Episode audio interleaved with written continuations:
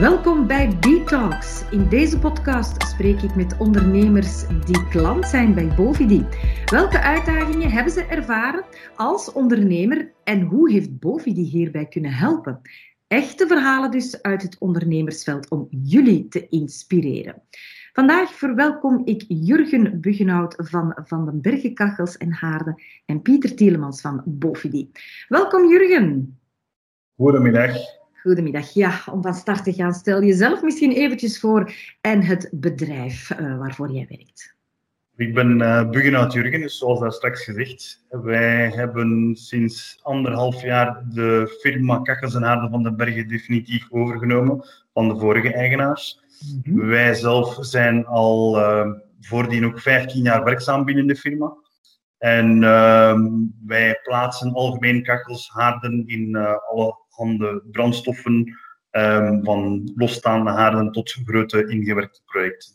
Ja, en jullie zijn klant bij Bovidi, dus ja. vandaag ook iemand van Bovidi bij ons. Welkom Pieter.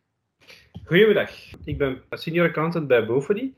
Uh, wat is mijn taak vooral is uh, de opvolging van de financiële cijfers van de onderneming, maar ook proactief gaan uh, reageren. Um, dit wil zeggen dat we um, klanten vaak spreken om te gaan bepalen wat de beste mogelijkheden zijn voor hun. Ja, oké. Okay. Terug eventjes naar het verhaal van Jurgen. Ja. ja. Je vertelde net dat je eerst medewerker was en vandaag bedrijfsleider. Klopt. Wat was de grootste uitdaging in heel dit overnametraject? vooral het financiële plaatje en de begeleiding naar de overname gefaseerd. We hebben een overnameperiode gehad van vier, allez, vier jaar, vier jaar en een half, om dan uiteindelijk gezien de definitieve overname eh, na die vier jaar en een half eigenlijk te kunnen afronden. En dat is volledig onder begeleiding geweest van Bofidi, dus van dag één tot, uh, tot nu nog steeds eigenlijk. Um, dus ja, om ons met raad en daad bij te staan om het financieel plan uit te doen, um, zowel naar ons naar, als naar de vorige eigenaars, als naar de bank. Mm -hmm. Wat was het moeilijkste in heel dat traject? Maar, om simpel te zeggen, als gewone werknemer naar uh, zaakvoerder te komen en met bepaalde cijfers geconfronteerd te worden, um, is toch wel een, een, hele aanpassing. Nu, na anderhalf jaar zijn we erin al serieus gegroeid en is dat zoals normaal. Uh, maar toch in het begin de, de, besprekingen, de cijfers, de, de, bedragen die er over, over de tafel rollen, dat is toch wel even aanpassen. En dan toch wel, ja, financieel, waar staan we, wat kunnen we en, en gaan we het uiteindelijk gezien ook halen. Als ook dan ook de samenwerking vier jaar en een half met de oude, uh, eigenaars van de firma, om dat toch tot een goed eind te brengen. Wat dat dus inderdaad wel gelukt is. Dus, uh, ja. Het is een hele uitdaging geweest. Een uitdaging, je noemde het zelf, het is een heel groeiproces natuurlijk. Ja. Hè? Om eigenlijk in die, dat boekhoudkundig verhaal te gaan stappen, hè? zonder misschien de ervaring of expertise die daarvoor nodig is. Maar daarvoor hebben jullie natuurlijk aangeklopt bij Bofidi. Ja, ja. Pieter, vertel eens, hè, wat is er belangrijk voor een ondernemer die in zo'n overnametraject stapt? Wel, het eerste punt is belangrijk dat we eerst goed gaan schetsen hoe dat we de situatie gaan aanpakken. Um, dus hier werd er beslist in 2014 dat de toenmalige eigenaars de, de vennootschap verkopen. En toen waren het er twee werknemers, uh, Jurgen Buggenhout en Roland Tevy, um, die eigenlijk beslist hadden om de vennootschap over te nemen. Maar financieel gezien was dat eigenlijk, ja, op korte termijn was dat bijna onmogelijk. Uh, waardoor dat we eigenlijk een kaderovereenkomst hebben opgesteld, um, waardoor dat ze in midden 2015 elk 10% van de aandelen hebben kunnen kopen. Um, hiervoor hebben we dan ook onderhandelingen gevoerd met de bank. Um, en over gespreid over vier jaar hebben ze dan telkens een, uh, een aantal percentages kunnen bijkomen, kopen.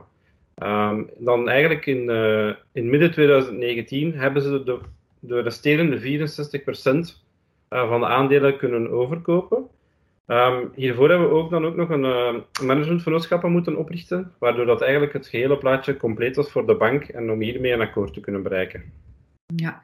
ja, Jurgen, zijn er momenten geweest waarop jij dacht, dit gaat mijn petje te boven? Regelmatig. Regelmatig. Maar dan kun je toch wel terugvallen op en dan, uh, ja, je accountant zelf rechtstreeks, uh, daaronder zitten nog medewerkers waarmee ik eigenlijk ja, meer contact heb dan de hoofdboekhouder. Uh, vooral naar dagelijkse activiteiten, facturatie, uh, maar qua overname sowieso.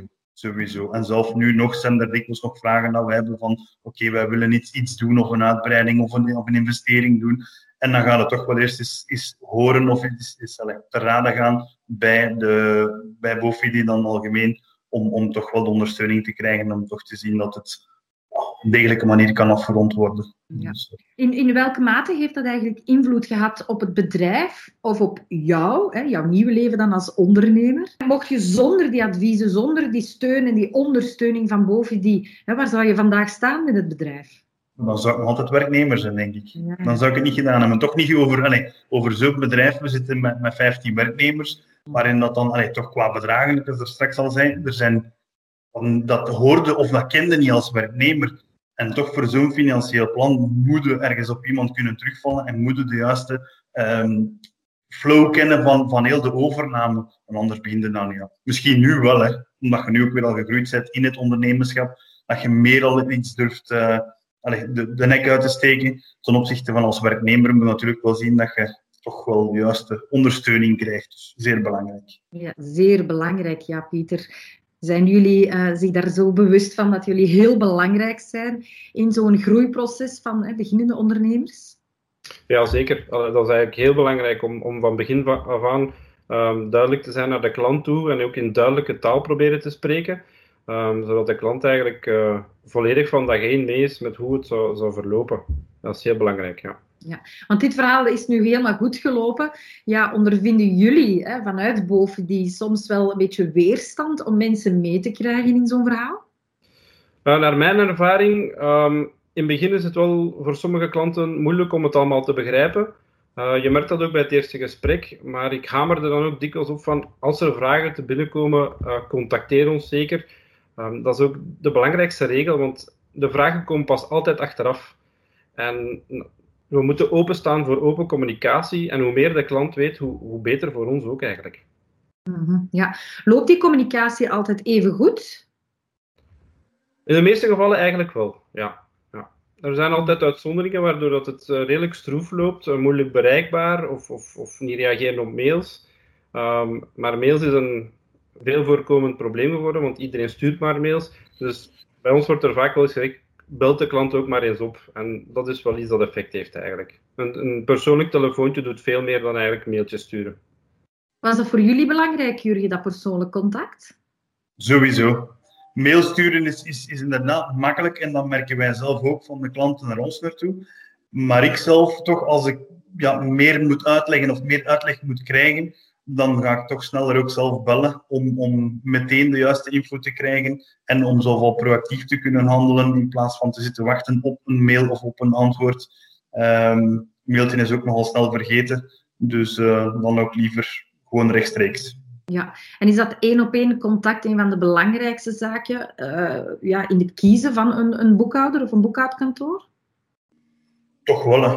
Toch wel. Ik vind op zich, oké, het, is- het is een boekhouder, het is een boekhoudkantoor, maar op, in, in C, met de één op één, moet het ook nog altijd wel eens klikken. Ik vind dat dat persoonlijk contact toch ook altijd wel belangrijk is, dat je toch wel weet wie dat er voor u staat en vice versa, maar dat ook gewoon die verstandhouding op de juiste lijn, op éénzelfde lijn eigenlijk zit. Ja, absoluut. Jullie hebben samen een mooi traject afgelegd. En naar ik het versta, gaan er nog eh, vele mooie jaren eh, volgen. Oké, dankjewel heren. Dankjewel Jurgen. Dankjewel Pieter. Ja, ik hoorde dat een goede begeleiding en langdurige samenwerking bij een overnametraject heel erg belangrijk is. Dankjewel. Graag.